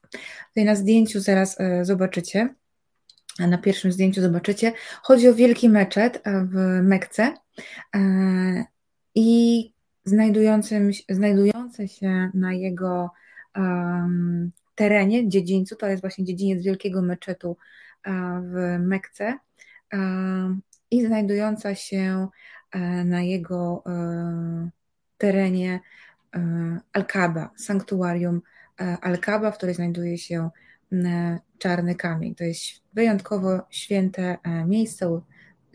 Mahomet, Mahomet ustanowił Al-Kabę właśnie świętym miejscem islamu. Na drugim zdjęciu to jest troszeczkę przybliżone. Mm, Alkaba y, na czas pielgrzymki zostaje przykryta nim przepięknym kobiercem właśnie z tymi złotymi jak to się mówi, no, y, zdobieniami, e, na którym są te fragmenty e, Koranu. To jest specjalnie przygotowywane na e, pielgrzymkę, na, no, materiał, tak? I no ale zanim e, wejdą na teren e, meczetu, dzięki za zdjęcie zaraz pokażemy następne, ale zanim wejdziemy na teren meczetu, znaczy my nie wejdziemy, to e, trzeba wejść w stan uświęcenia, stan po arabsku zwany ihram. I co to znaczy? No oczywiście trzeba się dokładnie umyć. I teraz ubrać y, w specjalną szatę y, rytualną. Chyba właśnie na tym zdjęciu, które teraz Wam pokażemy, będzie właśnie, będą właśnie pokazani y, pielgrzymi. Chodzi o to, że ta szata musi być biała, koniecznie biała. O, widzicie, to są, to są białe e, szaty. E, w przypadku mężczyzn to są Y, szata złożona z dwóch kawałków płótna, ale nie zszytych. Nie, mo, no nie, może być, nie mogą być te kawałki e, w żaden sposób zszyte. A w przypadku kobiet to jest nawet e, jeden kawałek e, płótna. No, owinięcie się w to nie jest takie proste. Dalej jeszcze jest halk, czyli no, najlepiej zgolenie włosów, to, obejrze, to obejmuje, ten obowiązek obejmuje mężczyzn, a tałaf, e, przepraszam, a e, taksir to jest obcięcie włosów i to dotyczy kobiet. Islam nie wymaga, żeby kobiety goliły go głowę na łyso. A tutaj widzicie, że nie wszyscy muzułmanie przestrzegają tego zakazu. Jest jeden pan zupełnie ogolony, ale wielu uczestników hadżu mimo wszystko ma, mm, ma ma e, tylko pewnie przycięte e, włosy, tak jak się wymaga od e, kobiet. No i teraz jest właśnie taki pierwszy ważny obrzęd pielgrzymki, to jest tałaf. Czyli możemy następne zdjęcie Iza pokazać. O właśnie, czyli to są pielgrzymi w białych strojach. No i następuje tałaf, czyli siedmiokrotne E, okrążenie Alkaby, dotyka się tego sanktuarium, e, przy czym każde okrążenie wykonywane jest z o Boże, w kierunku przeciwnym z, do ruchu wskazówek zegara, tak, przeciwnym do ruchu um, e, zegara. Potem wychodzimy już e, z terenu e, dzięki, e, dziękuję, właśnie, aha, no tak, tu jeszcze jest to okrą, pewnie okrążanie, widać porządkowych. Mm, no nie wszyscy mają nawet rytualne szaty, może, może nie są na pielgrzymce, może po prostu odwiedzają meczet. Także dziękuję Ci i za, za, zdjęcia. Wychodzimy z wielkiego meczetu. I dalej e, to jest e, dalej kolejny obrzęd. Kolejny obrzęd e, to już wychodzimy no, w teren. Tak? To jest pierwszy ten z takich tych, um, um, obrzędów w terenie. No i trzeba szybciutko pokonywać um, odległość między dwoma wzgórzami. To jest wzgórze Sała i Marła. I Chodzi o to, e, że ten, ten, ten, ten szybkie pokonywanie przestrzeni, e, przestrzeni, tak, przestrzeni między tymi wzgórzami ma e, odzwierciedlić gorączkowe poszukiwanie wody przez Hagar. Hagar była niewolnicą proroka Abrahama, dokładnie tego samego, który funkcjonuje w religii E, żydowskiej i chrześcijańskiej. E, ja już w przypadku e, Jezusa, jak opowiadałam, to mówiłam, że że w, że w islamie funkcjonuje ten łańcuch proroków, ten sam, co w judaizmie i w chrześcijaństwie. Mm, także e, e, Abraham jest jednym z najważniejszych, najważniejszych e, proroków islamu, tak samo jak judaizmu i, i, i chrześcijaństwa. Niewolnica Abrahama i matka jego syna Ismaila gorączkowo poszukiwała wody właśnie dla dla syna, dla Ismaila, który uważany jest przez muzułmanów za ich przodka, za przodka wszystkich e, muzułmanów i, i e, za przodka właściwie wszystkich arabskich e, plemion nawet. No i um, to ona i to Ismail stworzył e, studnię, słynną studnię Zamzam, która znajduje się właśnie na tej trasie. E, nie ma obowiązku picia wody z tej e, studni, ale zazwyczaj wierni kończą ten etap pielgrzymki, czyli to, to, to bieganie między wzgórzami Marła i Safa właśnie wypiciem, czy też nabraniem wody z ze studni e, Zamzam bierze się, że ona zapewnia po prostu dobre e, zdrowie. E, Piotr Strychalski, coś jak droga krzyżowa, takie skojarzenie. No, jest to, to takie skojarzenie o tyle słuszne, że jest to też odzwierciedlenie rzekomych tak, wydarzeń, tak, wydarzeń biblijnych, no i koranicznych w tym, w tym przypadku, więc tak, jak najbardziej skojarzenie jest prawidłowe. E, no i jeśli chodzi o jeśli chodzi o małą pielgrzymkę, gdybyśmy byli e, w tamtym klimacie, wolałbym się napić. No, no tak, ale jak się napijesz i zaczerpniesz, to masz na dłużej. Bo jeżeli e, się przechodzi. Ja, ja powiem Wam szczerze, że ja teraz nie wyobrażam sobie tego w tej pogodzie, bo w tej, nie, nie patrzyłam ostatnio, ale w Arabii Saudyjskiej jest potwornie gorąco w tej chwili, jest piekielny upał. Um, Także, mm, także tak, chyba też bym wypiła i to dużo, ale e, warto też nabrać e, na zapas, bo jeżeli się uczestniczy w, bo jeżeli uczestniczy się w e, umra, czyli małej pielgrzymce, no to idziemy do domu. Po tym, po tym obrzędzie idziemy do domu. Jeśli natomiast idziemy dalej i uczestniczymy w hadżu, no to czeka nas kolejna droga. Droga prowadzi do e, miny. Mm, e, w tym e, mina, w minie nocuje się u stóp góry Arafat. Następny dzień spędza się na modlitwach takim mm, czy całą noc właściwie, ten dzień, kiedy się przy, przychodzi i całą noc spędza się e, na modlitwach. E, jeżeli zobaczycie jakieś zdjęcia, właśnie zapomniałam wrzucić to zdjęcie, przepraszam, ale łatwo jest znalezienie nawet na Wikipedii angielskiej, anglojęzycznej. Mm, takie pole namiotowe z białych namiotów, to to jest najprawdopodobniej właśnie miasteczko namiotowe w trakcie mm, hadżu. E, nocuje się w tych namiotach, ale powinno się modlić, jest potwornie gorąco najczęściej, więc e, ludzie po prostu e, siedzą na szczycie wzgórza i się modlą. I dopiero następnego dnia, hmm, czy to nie byłoby świętokradztwem wypite, trzeba wysikać to nieczyste, no. No, tak. Nic o tym nie mówi Koran. No dobra, więc przechodzimy. Rano się budzimy po tej nocnej e, modlitwach. E, jeżeli trochę się przespaliśmy, to się budzimy, jak nie to od razu e, idziemy i przechodzimy do kolejnego obrzędu, bardzo, bardzo, bardzo ważnego, czyli gamra.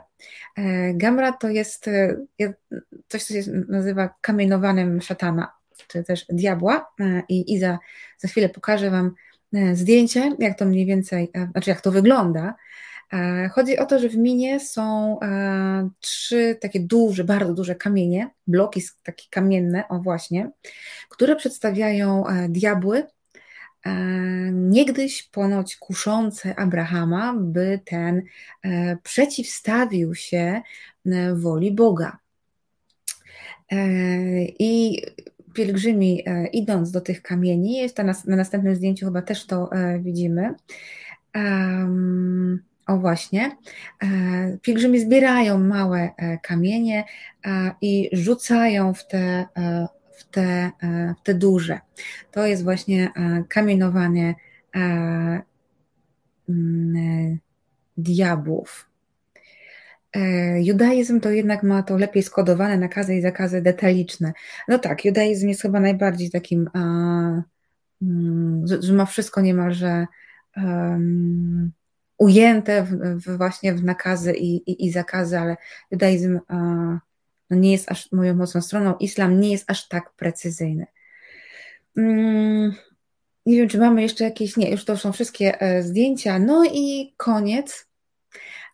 Koniec to jedno z najważniejszych e, świąt e, islamu. Eidul Adha, czyli święto ofiarowania, które ma przypomnieć ofiarę, jaką Abraham chciał złożyć Bogu. Pamiętajmy, że chciał e, złożyć w ofierze swego e, syna.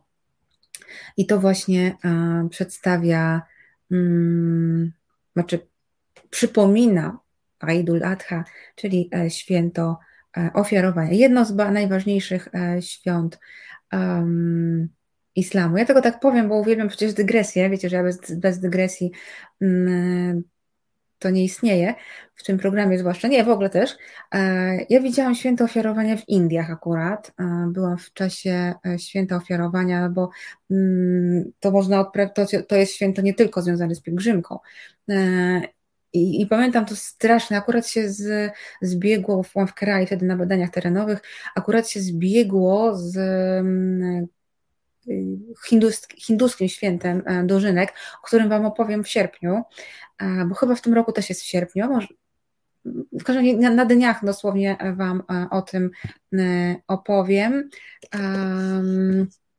Bo to jest fantastyczna rzecz, po prostu fantastyczne. No i słuchajcie, po ulicach e, miasta Kocin, miasta Kocin chodziły te kolorowe parady z hinduskimi bóstwami po ulicach, a właśnie muzułmanie przygotowywali się do święta ofiarowania i te zwierzęta, o Boże, no, prowadzili ze sobą na rzeź, to było, to było, to było straszne. Ale przebiegało to wszystko w zgodzie i w spokoju. Słuchajcie, pielgrzymki, no w tym roku e, milion e, osób może przyjechać do Mekki, to jest dużo więcej niż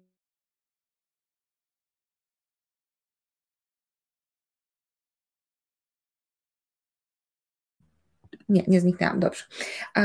To by znacznie więcej niż rok temu i e, dwa lata temu, e, kiedy były duże bardzo obostrzenia. W tym roku mogą przyjechać osoby między 18 a 65 rokiem życia zaszczepione i bez chorób towarzyszących. Tak, coś zacięło, ale już widzisz, widzicie, jestem. E, no i to jest bardzo ważne, bo e, żeby e, Mekka znowu mogła przyjmować dużo pielgrzymów, ponieważ jest to dla. Mm, no, zacina mnie coś dzisiaj, już okej, okay, dobrze. Jest to bardzo ważny element gospodarki mm, saudyjskiej.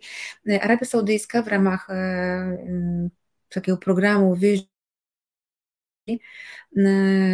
chce się uniezależnić od e, przemysłu naftowego, chce dywersyfikować e, gospodarkę i właśnie rozwój turystyki, e, tej religijnej, turystyki religijnej jest bardzo ważnym elementem tego planu, czyli idziemy zamiast w ropę, idziemy więcej w sektor nowych technologii, głównie medycznych, ale niekoniecznie i właśnie mm, między innymi w ruch turystyczny, ruch pielgrzymkowy. Oczywiście jeżeli chodzi, mówimy o turystyce religijnej, no to e, hacz i umra są e, najważniejszymi e, tutaj, tutaj kwestiami, elementami. Od kilku lat już powstają, powstaje nowa infrastruktura, która ma jeszcze bardziej ściągnąć turystów i pielgrzymów. Powstają nowe hotele, powstają miejsca jakieś noclegowe dla mniej zamożnych. Także mm, są ogromne inwestycje. E, w tym roku e, oferowane jest do wynajęcia, oferowane są do wynajęcia samochody elektryczne, bo Arabia Saudyjska idzie też w ekologię.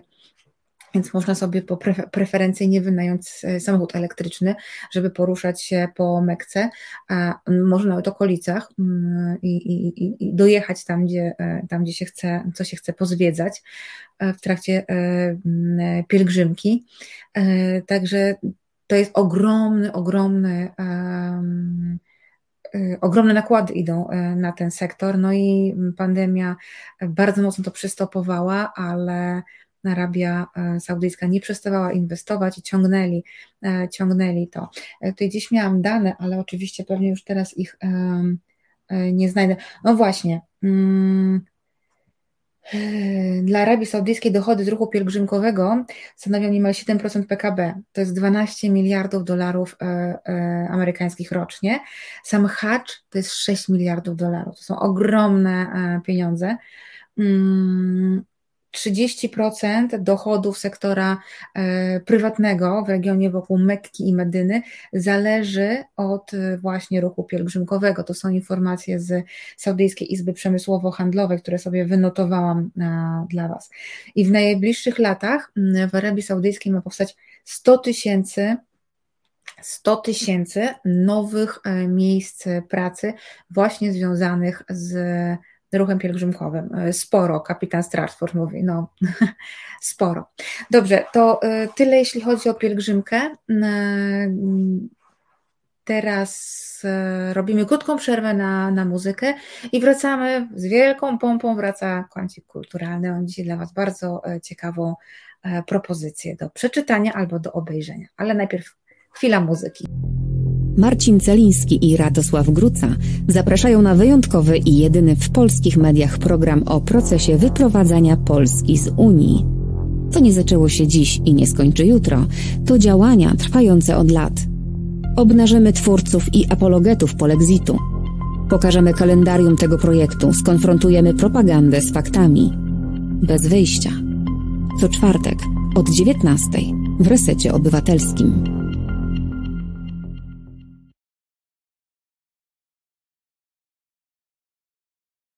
Miałam zacząć kącik kulturalny, ale tutaj Piotr Strychalski pisze za Onet.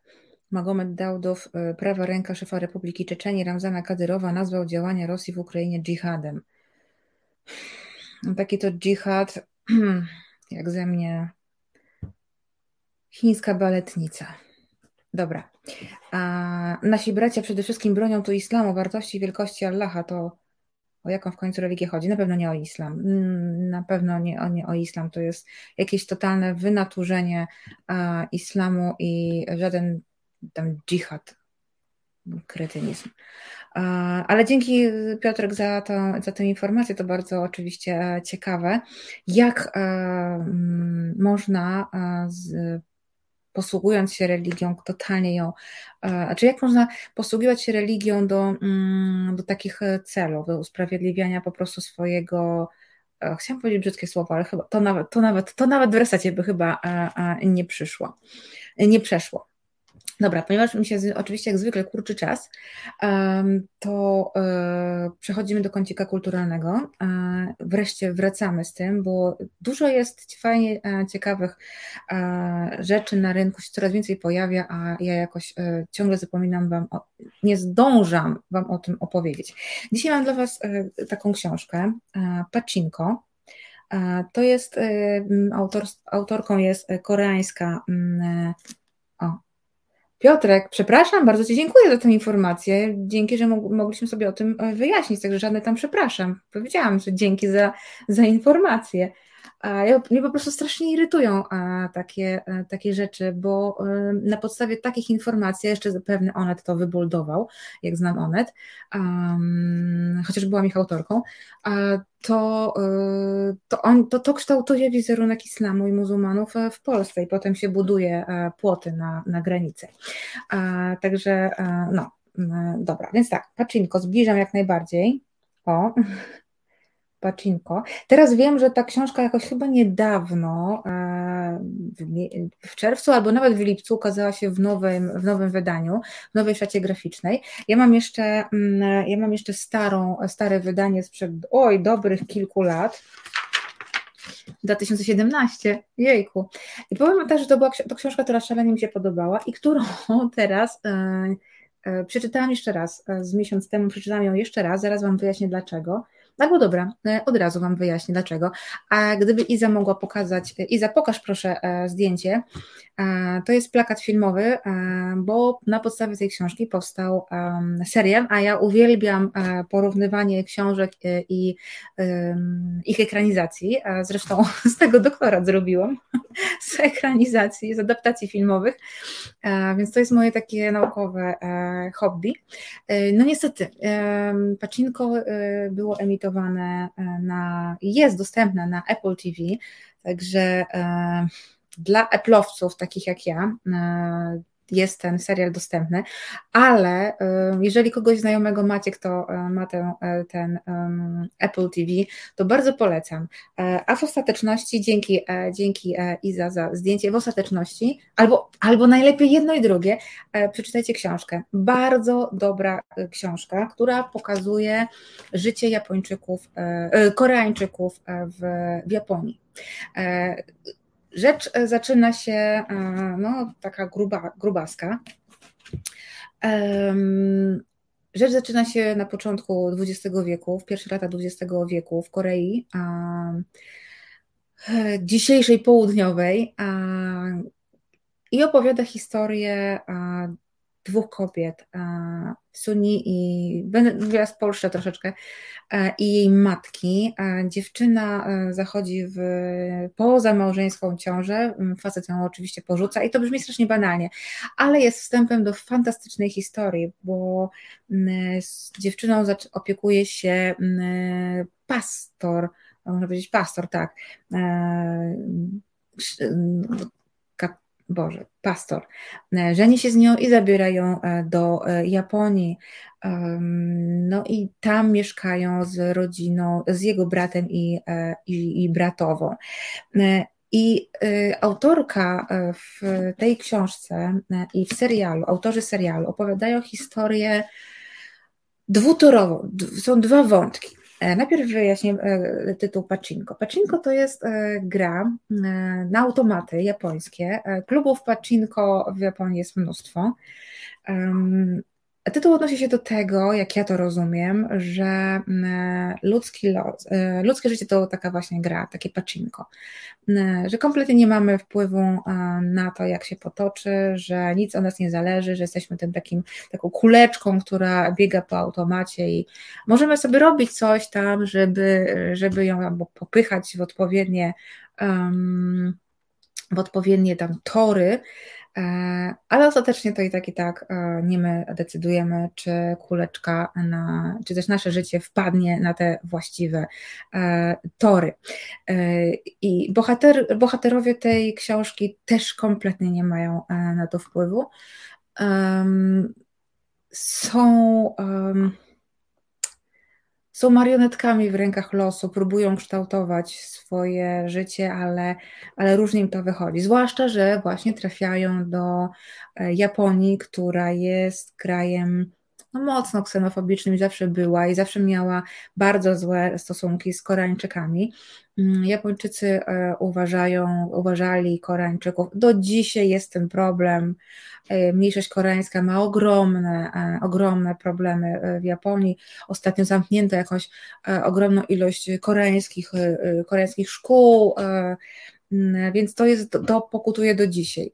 Mm, w czasach, kiedy dzieje się akcja tej książki, Koreańczycy nie mieli w ogóle dowodów e, osobistych, nie mieli obywatelstwa, mimo że mieszkali tam całe życie, no nie mieli obywatelska, obywatelstwa. Byli traktowani jako troszeczkę tak no, podludzie. I raczej mieli marne szanse e, na e, jakiś sukces życiowy. Najczęściej właśnie e, kończyli jako ludzie od rozrywki, czyli właśnie właściciele salonów pacinko. Niektórzy się ukrywali, udawali Japończyków, na przykład w drugim pokoleniu, tych, którzy przybyli do, mm, do Japonii znaczy urodzili się w Japonii, ich, ich rodzice przyjechali do, do Japonii z Korei, oni, oni już mówili e, po, po japońsku, więc ukrywali się, mieli, bo, bo mieli oczywiście japońskie nazwiska, absolutnie. Um, używali tylko i wyłącznie tych nazwisk, udawali, że są Japończykami, żeby na przykład skończyć lepszą szkołę, e, żeby nie być narażonymi na ostracyzm społeczny. Mm, więc to jest taki jeden wątek, um, bardzo mocno wyeksponowany w powieści, i drugi to jest o sile kobiet, o tym, że kobiety pozostawione mm, same sobie um, jak sobie radzą i że sobie radzą i że potrafią pokonać niemal każdą przeciwność e, losu. E, w, w książce oba te wątki są równoprawne. E, na, na przykładzie dosłownie mm, dwóch pokoleń, nawet chyba więcej, trzech, jest pokazana właśnie ta, ta niesamowita siła życiowa kobiet, które no są w stanie zrobić wszystko, żeby przetrwać i żeby ich dzieci osiągnęły e, coś większego niż e, one same mogły osiągnąć. W książce te dwa wątki toczą, się równocześnie, te, te, te dwa wątki są pokazywane jednocześnie na równych prawach. Natomiast w serialu skupiono się, no niestety, niestety, na tej wątce wątce, na tym wątce, na tym wątku mm, nie. Przepraszam, to kobiety pozostawione same sobie nie tylko radzą sobie, ale tworzą. Mm, tak, tak, to jest bardzo dobry komentarz, Anna. No, masz rację. E, tutaj w tej książce e, no właściwie tworzyły, bo, bo sprzedawały kimchi między innymi, ale ale faktycznie, mm, można tak powiedzieć. Strzelam, że książka nie jest bestsellerem w Japonii, Kapitan Stratford. Ja nawet w nie wiem, czy ona była przetłumaczona na japoński. Tutaj, tutaj mnie zastrzeliłeś, bo, bo nie wiem. Jakoś założyłam, że na pewno nie, ale, ale kto wie, muszę to sprawdzić. Um, no w każdym razie seria skupia się mm, na tej, tej, tej, tej, tej wąt, tym wątku nacjonalizmu japońskiego i niechęci do, do Koreańczyków, właściwie prawie nienawiści do, do, do Koreańczyków. Przecież bohaterowie chyba to nie, nie wiem, czy to było powiedziane w serialu, czy to tylko w książce, ale ci niektórzy Koreańczycy wolą wyjechać do Korei Północnej, która właśnie powstaje, byleby nie mieszkać w Japonii. Także no, oni są pełni nadziei, że w Korei Północnej stworzą nowy kraj, nowe państwo koreańskie. No wiadomo, jak to się skończyło. E, serial omija bardzo ciekawy wątek historii tej głównej bohaterki, tej Suni, która, e, od której rozpoczyna się e, książka. On jest wciśnięty w ostatnim, czy przedostatnim odcinku, dosłownie w jednym odcinku skondensowane jest całe to jej życie, co jest um, niefajne, bo, ta historia zasługuje na dosłownie dwa, trzy odcinki więcej. Jest natomiast dopisane jakieś zupełnie, e, no, no niby wpisuje się w tę historię, e, ale właśnie e, wątek jednego z bohaterów, tu jest totalnie wymyślony przez scenarzystów, czy też showrunnera. No niby wpisuje się w ideę, ale jakoś mnie się mniej podobał. Był taki trochę przypięty, troszkę, troszkę, troszkę na siłę, tak jakby chcąc wybielić tego bohatera, który no raczej jest czarnym charakterem. Um, tak trochę na siłę się go wybiela. Um, niemniej um, uważam, że Pacinko serial to jest jeden z lepszych seriali azjatyckich, um, jakie ostatnio oglądałam. I bardzo go polecam. Co więcej, mam cichą nadzieję, że te braki, brak tego wątej historii, właśnie naszej protoplastki całej rodziny, bo to przecież kończy się na czwartym pokoleniu historia, że, że wrócą scenarzyści, bo już zapowiedziano, że będzie drugi sezon. A więc ja jak usłyszałam, to wiecie, jak dziecko e, przed, e, przed gwiazdką, bo naprawdę bardzo mi się ten serial podobał. To jest bardzo dobra ekranizacja, bardzo dobrze zagrana, z fajnie dobraną obsadą i też pokazująca wszystko, co, na, co najlepsze w tej książce, oprócz tego wątku e, naszej protoplastki, naszego e, rodu, naszych bohaterów. Tego mi brakowało. Jestem bardzo ciekawa, czy e, scenarzyści pójdą w nowe historie, w dalsze losy tego najmłodszego pokolenia, które przecież nie było poprowadzone w, w, w książce. Może też wrócić do wątku pokolenia drugiego, trzeciego, bo to też yy, drugiego pokolenia, bo to też bardzo ciekawe, a nie było to powiedziane w serialu w ogóle. Yy, także jest duże pole do popisu. Yy, no, Pacinko chyba w maju czy w kwietniu pokazało się w, w tym, w, w Apple TV. E, dopiero niedawno też zapowiedziano drugi sezon. Widocznie wyniki oglądalności były wystarczające. E, także mm, pewnie trzeba będzie dobrych kilka miesięcy e, poczekać na kolejny sezon. No więc macie czas. Macie czas, żeby, e, żeby poszukać gdzieś Apple TV, a jeśli no już naprawdę nie macie jak, to, to, to przeczytajcie książkę. O. Teraz ukazała się w nowej szacie graficznej. No jest troszeczkę taka cegiełka, bo ma